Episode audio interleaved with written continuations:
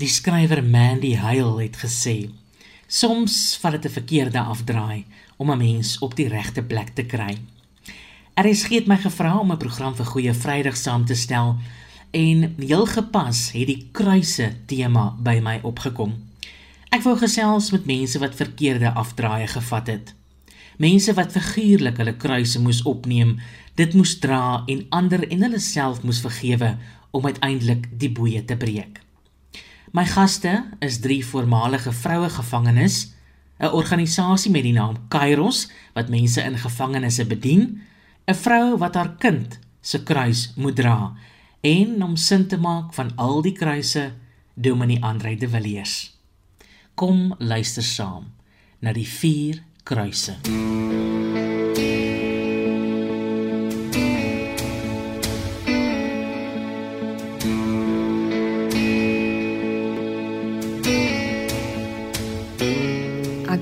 Eers sê baie dankie vir die geleentheid om my storie te kan deel met julle. En ek hoop regtig van harte dat dit net 'n verskil kan maak. As een mens wat moedeloos of wanhoopig voel vandag hierdie storie kan hoor en net kan weet jy is kosbaar.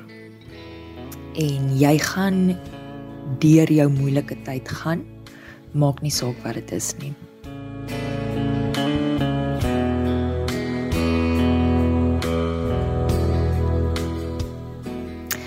Ek dink ons het almal kruise. Almal kruise wat ons moet dra. En hierdie kruise word vir jou op jou pad gesit in jou lewe in verskillende vorms. En ek wil graag dat die luisteraars vandag weet dat wat ook al jou kruis is, wat ook al jou moeilikheid is wat jy moet saamdra, of dit dalk 'n finansiële druk is, of dit dalk 'n gewelddadige of afbreekende verhouding is, of dit jou seksualiteit is, of dit diskriminasie is, of dit armoede is, of dit siekte is, dat wanneer jy jou kruis optel en hom dra, dat die liewe Vader vir jou genoeg krag en genoeg genade sal gee om seker te maak dat jy dit kan deurdruk, dat jy staande aan die ander kant sal uitkom.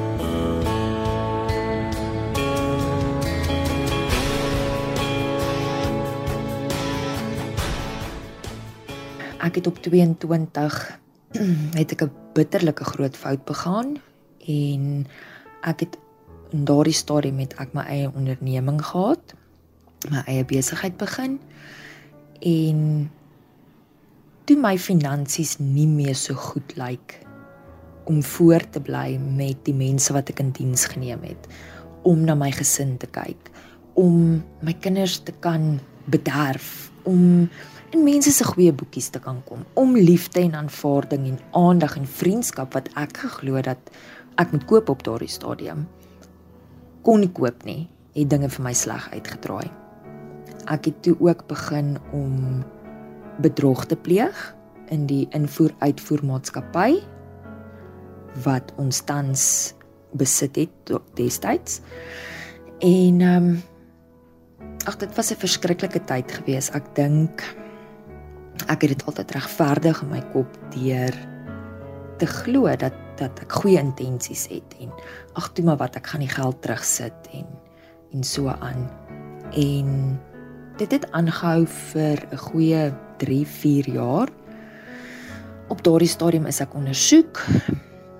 Ek en my man is toe ook geskei in 2012 en hier was ek 'n mamma wat verhoor afwagtend is met drie pragtige dogtertjies en nie 'n idee het hoe ek hierdie volgende 5, 10, 15 jaar gaan ingaan nie. En om daai kruis op te tel is dis seer. Dis swaar, dis seer, dis moeilik. Maar ek het met alles in my geweet dat die enigste manier hieruit is hierdeur So ek het toe in 2015 het ek in die Bloemfontein se streekshof skuldig gepleit op die klagtes. En sjoe, ek kan nie eers vir jou begin beskryf die benoudheid, die vrees, die mense het geen idee wat die dag van môre gaan inhou nie. En ek was ongelooflik bang geweest op daardie stadium met die nasionale vervolgingsgesag gekyk na tussen 15 en 20 jaar tronkstraf wat ek sou opgelê word. En om op so ouderdom en met kindertjies so iets te hoor en te besef dat jy hierdie pad gekies het en dat jy hier moet deurdruk is verskriklik moeilik geweest. Ek is toe op die 3 Augustus 2015 is ek gevangenisstraf opgelê en my straf was 7 jaar direkte gevangenisstraf gewees. En ek moet sê om in daardie hof te staan en rarig dit in die gesig te moet staar dat jy is hierdie terrible mens. Jy het hierdie dinge gedoen. Jy het mense bedrieg, jy het instansies bedrieg, jy het geld gevat wat nie joune is nie daar's geen regverdiging nie en en dit laat 'n mens 'n bitter lelike prentjie van jouself sien. Ek moet eerlik wees met jou, ek het in die gevangenisentrum ingestap en ehm um, daar het ek net 'n nommer geword. Ek was nommer 215 319 915. My identiteit het nie meer bestaan nie. Ek was nie meer 'n mamma nie, ek was nie meer 'n vrou nie, ek was nie meer 'n dogter of 'n sussie of 'n vriendin nie. En ehm um, soos wat jy gestroop word van jou persoonlike items, van jou klere. Voel jy regtig dat jy gestroop word van jou menswees? Ek dink vir die eerste 6 maande het ek regtig in die gevangenis gerou. Gerou vir die lewens wat ek verwoes het. Gerou vir my kinders. My oudste dogtertjie is daardie jaar is sy graad 1 toe. En ehm um, dis 'n seer mamma hart om nie daar te kon gewees het nie. Ek het gerou vir al die mooi drome wat ek gehad het. Ek het gerou vir my familie wat ek teleurgestel het en dit was daar in die stilte en in die gebrokenheid waar ek rarig rarig ons maker ontmoet het. Mense het verskriklik baie tyd om te dink in die gevangenis. Ehm um, ons is baie vinnig om om grappies te maak en en te sê ag die die tronk is soos 'n hotel. Ek kan uit ondervinding uit eerlikwaar sê dat dit glad nie die geval is nie.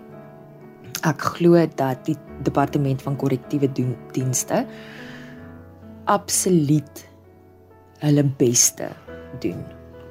Ek het mense, lede, bewaarders, professionele mense, sielkundiges, dokters, verpleegsters in die DKD ontmoet.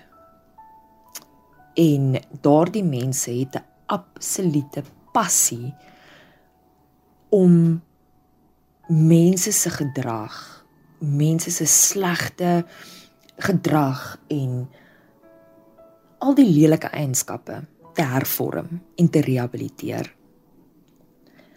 Die omstandighede in ons land se gevangenis is van so 'n aard dat dit uiters oorbevolk is ons sou op 'n stadium miskien 50 dames gewees het wat 'n gemeenskaplike sel deel waar daar stapelbeddens is, twee toilette en twee storte.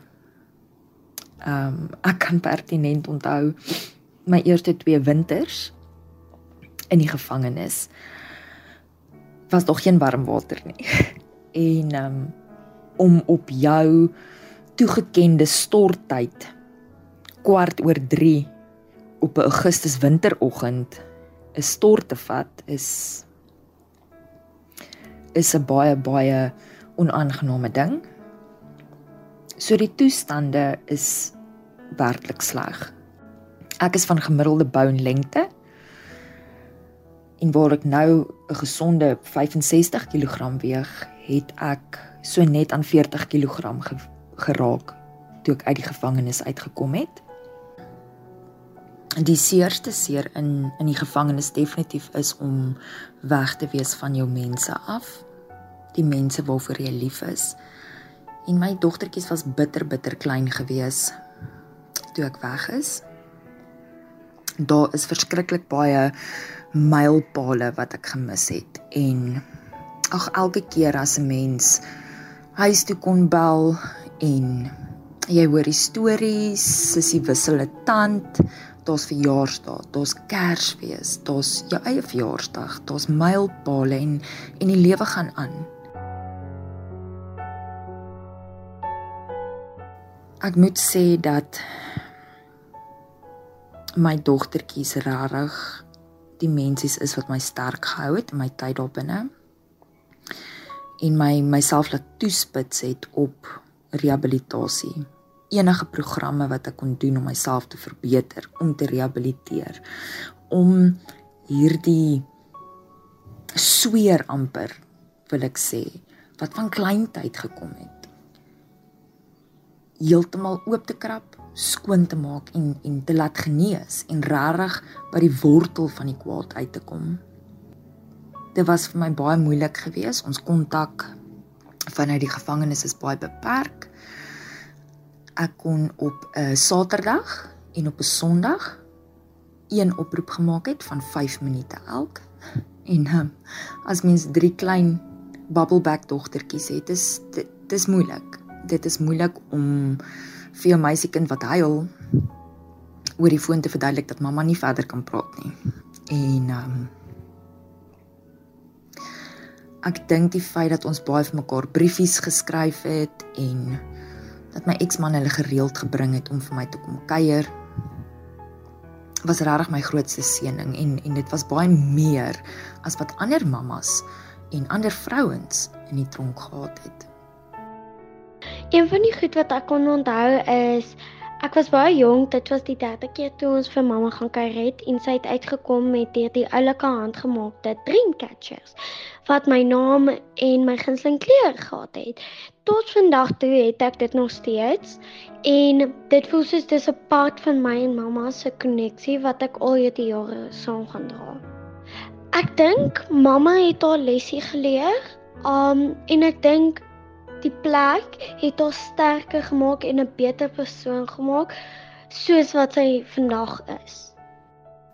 As ek na daardie letsels kyk, kan ek amper nie glo dat ek 1287 dae deurgedruk het en deur is wat ek is nie.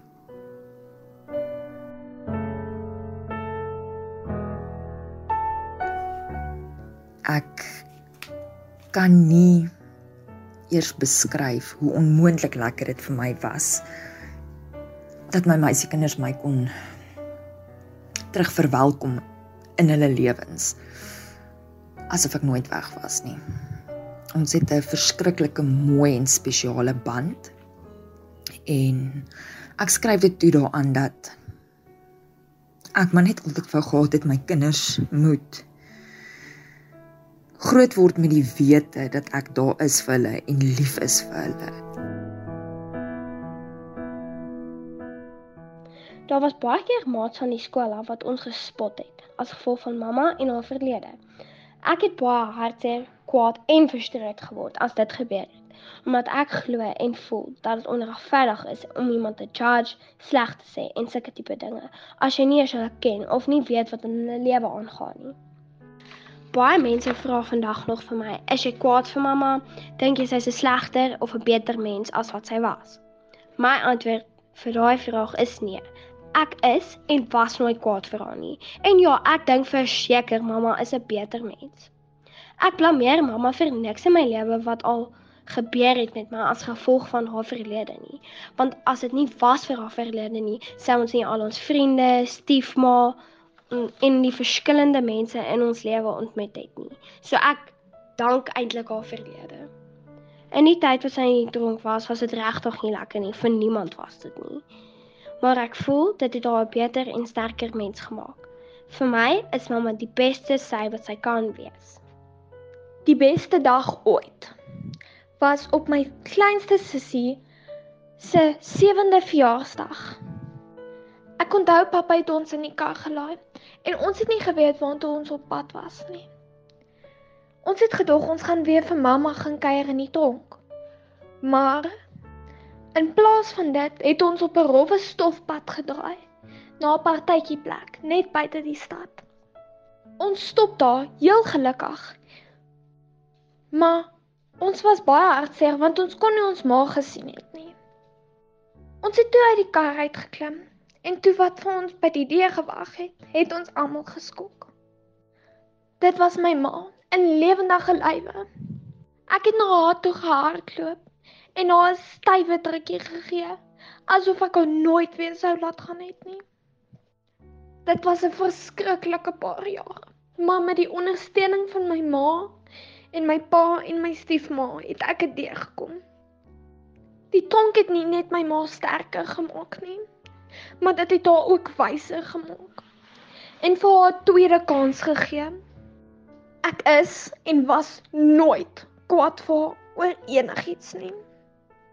Ek is bly want nie net het dit haar sterker en wyser gemaak nie, maar dit het ons sterker gemaak en dit het ons 'n lewe gegee.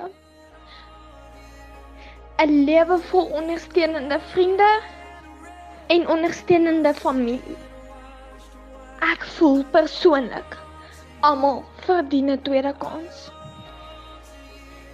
Want dit het ons lewe totaal en al vir die beter verander. En ek wil net vir almal in my lewe baie dankie sê vir al my ma wat altyd daar vir my was.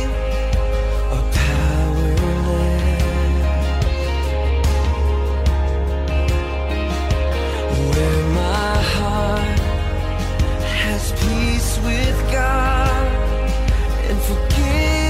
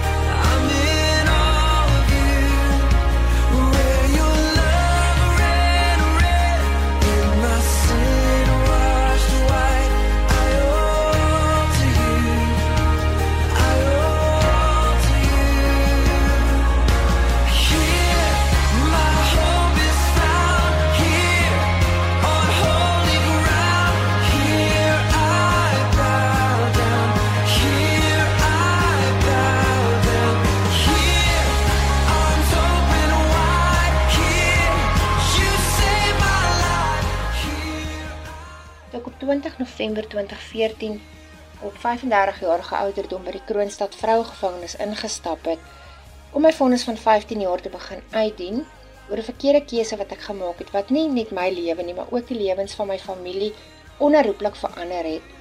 Was ek bang vir die onbekende pad wat ek moes stap? Ek was baie emosioneel en ek was ook kwaad vir Jesus dat hy toegelaat het dat so swaar las op my skouers geplaas word. Ek het ander mense blameer vir hierdie verkeerde keuse wat ek gemaak het. Dit het maklik gelyk en dit het vir my altyd goed geklink. Maar na 'n paar maande in die gevangenis het ek egter besef dat blame shifting is nie 'n oplossing nie en ek het begin om die verantwoordelikheid van hierdie keuse op my eie skouers te vat. Ek het buite vir Jesus geken want ek het gereeld kerk toe gegaan, ek het Bybelstudiegroepe bygewoon, maar ek het nooit 'n verhouding met hom gehad nie. Ek het eers die verhouding met Jesus begin bou deur die dienste wat ons op 'n Sondag gehad het en ook Bybelstudiegroepe wat ons gehad het. Hierdie vrouens was altyd vir ons baie goed. Hulle het ons ondersteun, hulle het vir ons mooi woord gebring, hulle het vir ons gebid. Dan sal ek partykeer daar in die kapel sit en so opkyk na die kruis teen die muur en so stilweg vir myself wonder of daai kruis nie miskien 'n bietjie ligter is as die kruis wat ek tans op my eie skouers dra nie.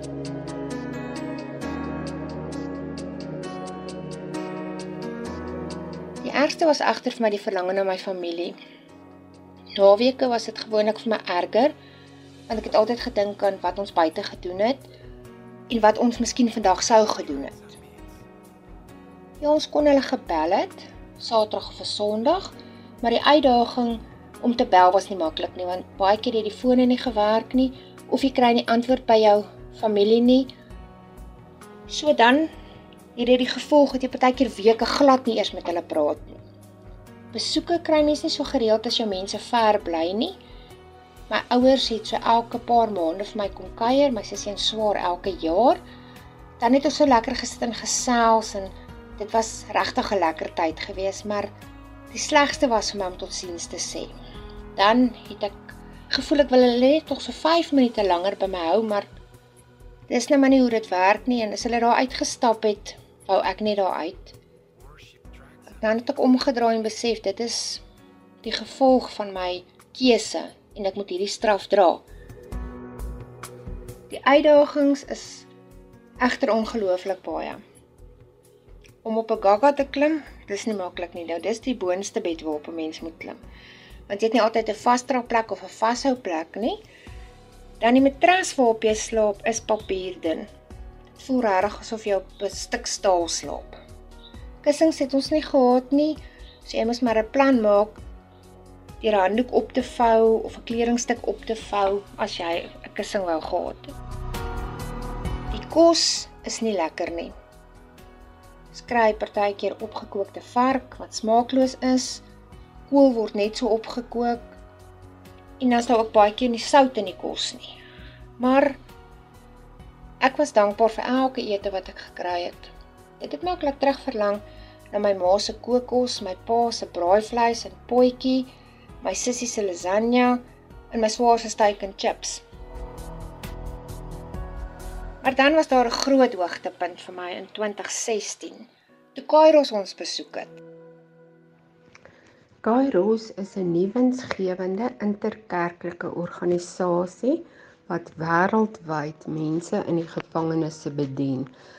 Um ons is 'n kosbare groepie vrouens hier in Klerksdorp wat die vrouens in Kroonstad bedien.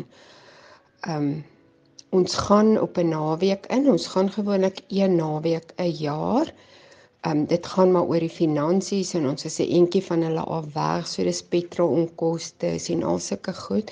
Dan bedien ons hulle vir die naweek en ons leer hulle van keuses, vergifnis. Ons oordeel hulle glad nie.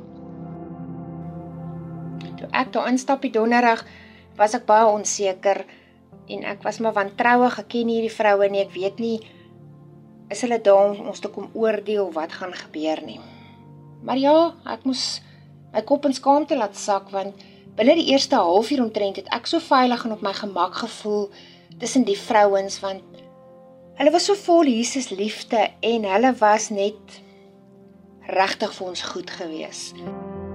Die Vrydagoggend gaan ons dan toe sê die hele program. Ons het praatjies ehm um, wat uh, gaan maar oor dinge van die lewe, keuses, ehm um, die kerk ehm um, verskillende ek dink ons het soos in 15 praatjies ons praat met hulle oor vergifnis maar ons gaan glad nie daarin as 'n spesifieke kerk nie. Ons is absoluut interkerklik so ons spanlede behoort aan 'n paar verskillende kerke. Ehm um, en dan die lese is listen listen love love. Maar die so terug was my regtig iets wat uitgestaan het. Ons het die vergifnis gedoen. Nou dit werk is jy skryf name van almal wat jy wil vergewe en moet vergewe op 'n papiertjie. Dan gaan kniel jy by 'n kruis. Jy vra vir Jesus om jou te help. om hierdie mense te vergewe. Dan steek jy die papiertjie in die brand. En ek moet sê, toe ek daar op staan, het daar nie net 'n las nie, maar ook 'n kruis van my skouers afgeval. Ek het besef wat die Matteus versie beteken van Jesus se las is lig en sy juk is sag ehm um, die verskil wat ons gesien het, weet jy, ons sien regtig mense verander.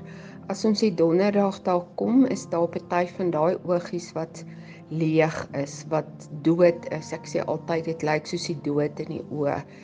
En dan hier teen die Vrydag en Saterdag as ons by die forgiveness service gekom het, dan is dit 'n ander prentjie. Dan sien jy lig in die oë, jy sien glimlagte. Dit is net absoluut fantasties, ongelooflik, nee, gelooflik om te sien hoe die Here werk en en wat hy reg kry. Um by die Here is daar altyd nog 'n kans. So en dis net so lekker om om te gaan en hierdie goed te gaan doen en te weet iewers eers maak jy 'n verskil in iemand se lewe. Jy sit 'n vingerafdrukkie op iemand se lyf en eendag maak daai vingerafdrukkie dalk die verskil. En ehm um, ja, daar's baie wat ons definitief sien, daar's groot verandering plaasgevind. Daar's selfs van hulle se familie wat ons daarna kontak deur Facebook om vir ons te sê wat 'n fantastiese verandering in hulle ma of hulle suster of hulle tannie of wat ook al plaasgevind het. As ek voor die voete val voor die almag van die heilige en die stilte oor my daal en die skare van die ewige dan weet ek hier sal wat so gemaak soos die liefde vir my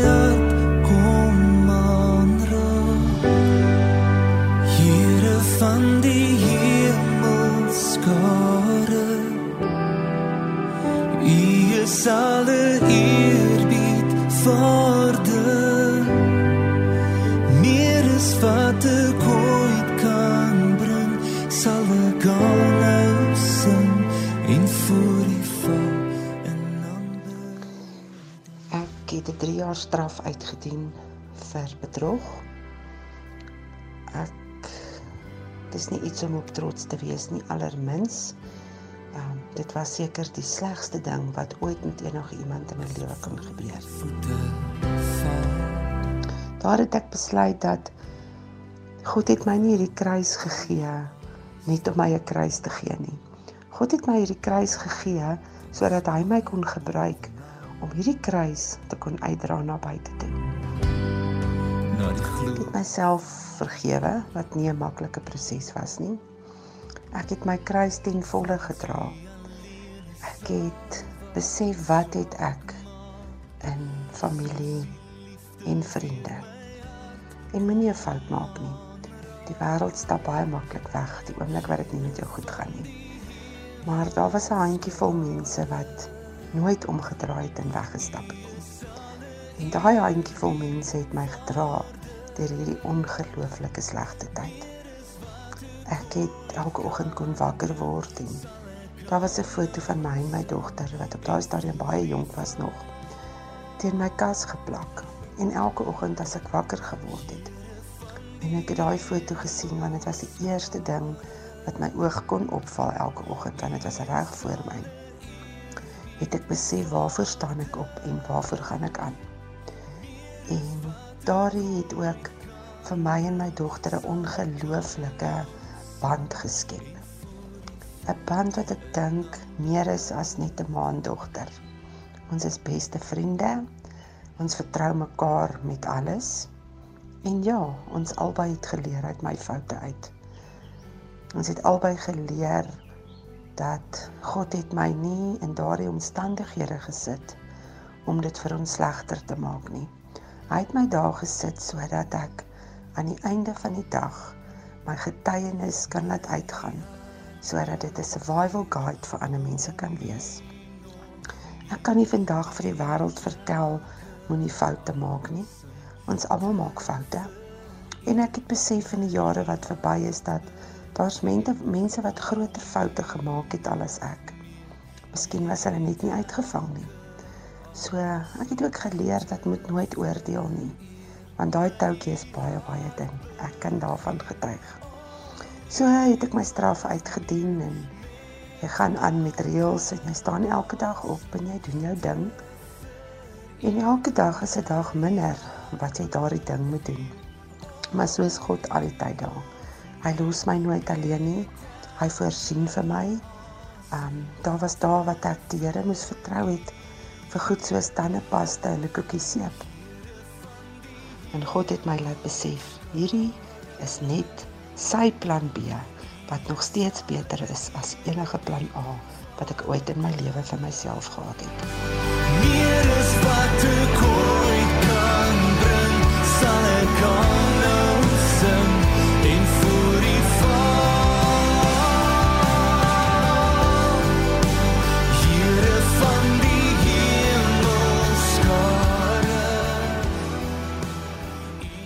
het die voorreg gehad om in 2022 deel te wees van die Kairo span wat ingegaan het om in die spesifieke gevangenis te gaan werk en hoe ek die voorreg gehad het om te kon praat oor vergifnis.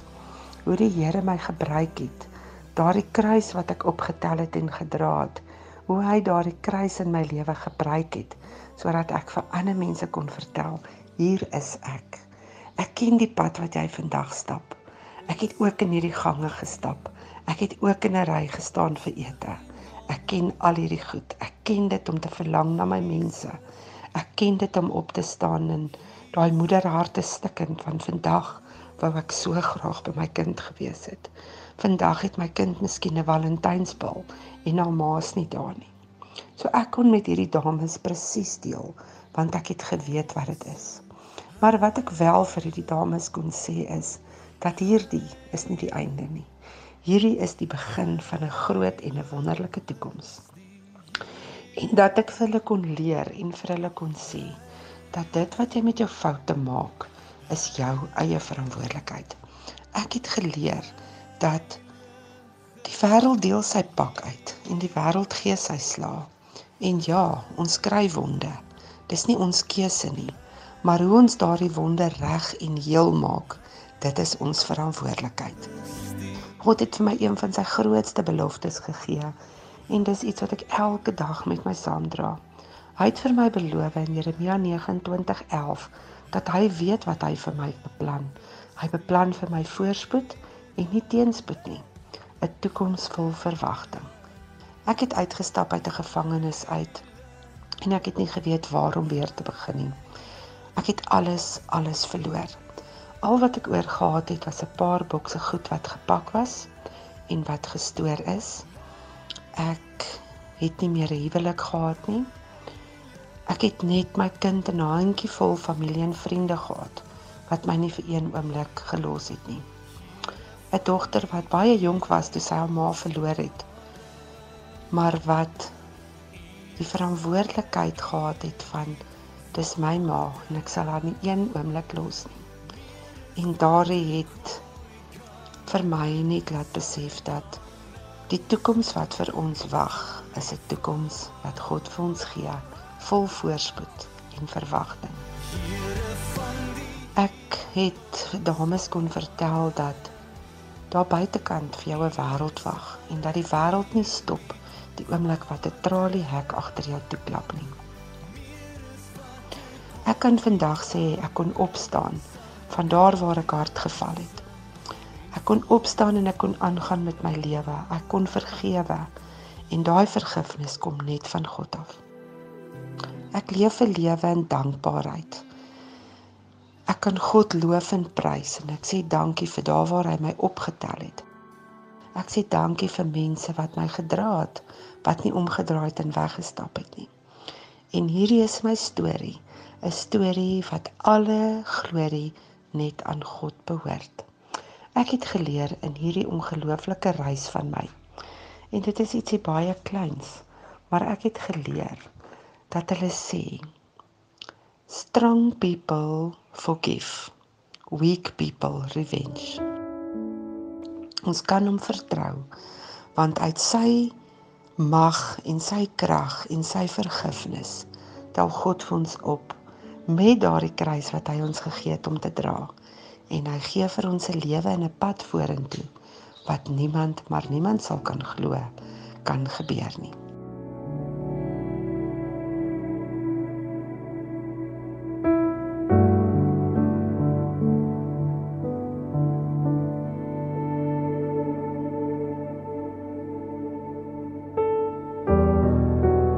Ek het nooit die storie in die woord van die Here verstaan waar hy gesê het neem op jou kruis en volg my. Jy weet ons almal het lewenskeuses wat ons maak of dit nou reg is verkeerd is. Party keuses het permanente gevolge, ander keuses het tydelike gevolge. Of dit nou keuses is as gevolg van ons opvoeding, ons keuses, ons ouers, ons omstandighede, wat ook al die rede is, het ons keuses gemaak en keuses het gevolge. En dan moet jy daai kruis optel en jy moet hom dra. Soos Jesus gemartel, verwoes, verniel, bebloed, met hom optel en jy moet hom dra. Wanneer hy sê my las is lig en my juk is sag. En dit is iets wat ek nooit verstaan het tot die laaste 4 maande van my lewe. Dit was die swaarste kruis wat ek in my lewe moes dra. Was toe my poppie wat nou 10 is op 9 gemolesteer en verkrag is deur 'n 17-jarige jong man. Sy het na my toe gekom en vir my gekyk en vir my gesê mamma ek het iets verskrikliks gedoen. En wat gaan met my gebeur? Ek het op en af gekyk, ek het haar toegevou in liefde. Ek het onmiddellik in trane uitgebars en ek het vir haar gesê absoluut niks gaan met jou gebeur nie. En mamma is verskriklik jammer dat jy hierdeur moes gaan. Want as gevolg van my keuses het ons ons daar bevind. En dit was die resultaat. Is deel van jou breek as 'n ma, deel van jou gaan dood binne in jou hart. Doodgaan is makliker as om jou kind te weet jou kind moet hierdeur gaan, as om jou kind te sien hierdeur gaan. En ek het vir maande wou ek onder 'n klip inkruip en op bly en ek wou nie uitkom nie en my 15 jaar geseun het eventually na my toe gekom en vir my gesê mamma, jy is depressed. Ek hou nie daarvan nie. Ehm um, doen iets omtrent dit en kom nou oor dit. En toe moet ek met my hakskoentjies en my lipstik weer aansit en ek moes weer die lewe vierkantig in die oë kyk. Maar iets binne jou bly dood en jy moet dit herstel. So het ek my kind gevat vir berading en hierdie pragtige vrou het met my kind gewerk en sy het vir my poppie gesê ons moet al die klippies wat in jou hartjie is wat raas met ons uithaal. Maar my kind baie adamant was sy gaan nie met hierdie tannie praat nie, sy gaan nie haar storie vir hierdie tannie vertel nie. Sy weier. So ek voel reg my liefie, jy hoef nie. Op 'n of ander dag het sy haar storie vir hierdie tannie vertel en sy het al die klippies uit haar hart gehaal. En die mooi ding is dat wanneer die Here die slegte uit jou lewe haal, vervang hy dit met iets absoluut rein en opreg en skoon. En hy het vir my poppy daisies na hartjie gesit. En as jy die geestelike betekenis van daisies gaan oplees, is dit waar dit is die reinheid en die skoonheid. In Engels is dit the innocent and purity van wat my poppie is. So na afgeloop van alles wat gebeur het en afgesien van dit waar sy deur is, het die Here my kind weer gerein. Hy het haar skoon gemaak. Hy het die klippies uit haar hart gehaal en dit is 'n kruis wat sy nooit weer in haar lewe gaan hoef op te tel nie. Mamma sukkel nog so 'n bietjie want ek is 'n ma en ek weet ek het my kind in 'n omstandigheid geplaas. Maar ek weet die Here het my die krag gegee om verniel, bebloed, emosioneel my kruis op te tel en te kan dra.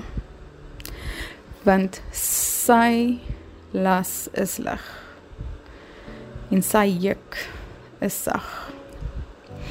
En ek hoop hierdie storie het by soveel mammas gebly wat hulle self blameer vir dit waar hulle kind deurgegaan het. Dis nie jou skuld nie. Mense het dit vir my 100 keer gesê oor en oor en oor en ek het 300 keer teruggeredeneer en gesê, "Maar ek's die ma. Hoe kan so iets met my kind gebeur?" Die Here het haar tuisies gegee.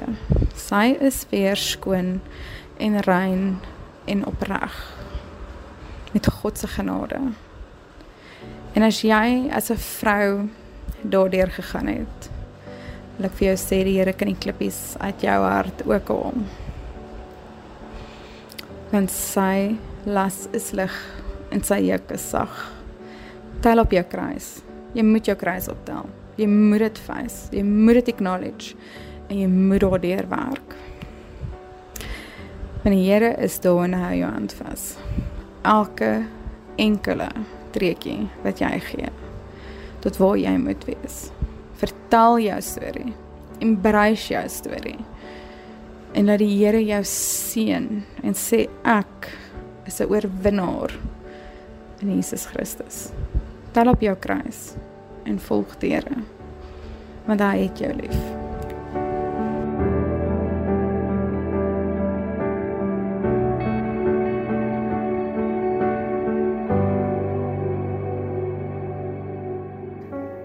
Ek dink die boodskap wat ek graag wil oordra aan die luisteraars is dat 'n mens geensins twyfel moet hê eerstens in jouself wat jy regtig kan vermag wat jy kan teenstaan wat jy kan deurgaan wanneer die situasie dit van jou vereis nie. Maar ook dat daar nie 'n manier is wat ons dit kan doen sonder ons maker nie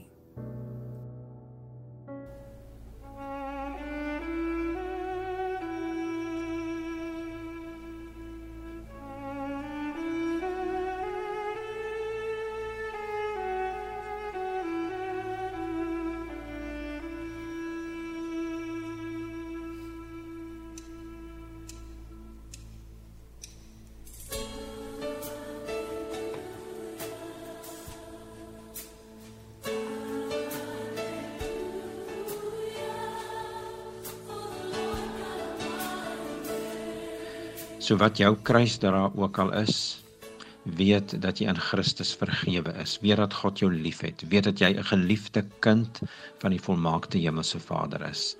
En onthou dan hoe mooi sê Romeine 8 by vers 32. Daar staan hy wat sy eie seun nie gespaar het nie, maar vir hom vir ons oorgegee het. Hoe sal hy nie saam met hom, dis nou saam met Christus, hoe sal hy dan nie saam met Christus vir ons alle ander dinge skenk nie? Die alle ander dinge verwys hier na sy genade, sy vergifnis, sy teenwoordigheid in ons lewe, sy hulp, sy bystand, sy ondersteuning, die voorreg om te weet ek leef. Ek leef nie alleen nie. Ek is so afhanklik van hom.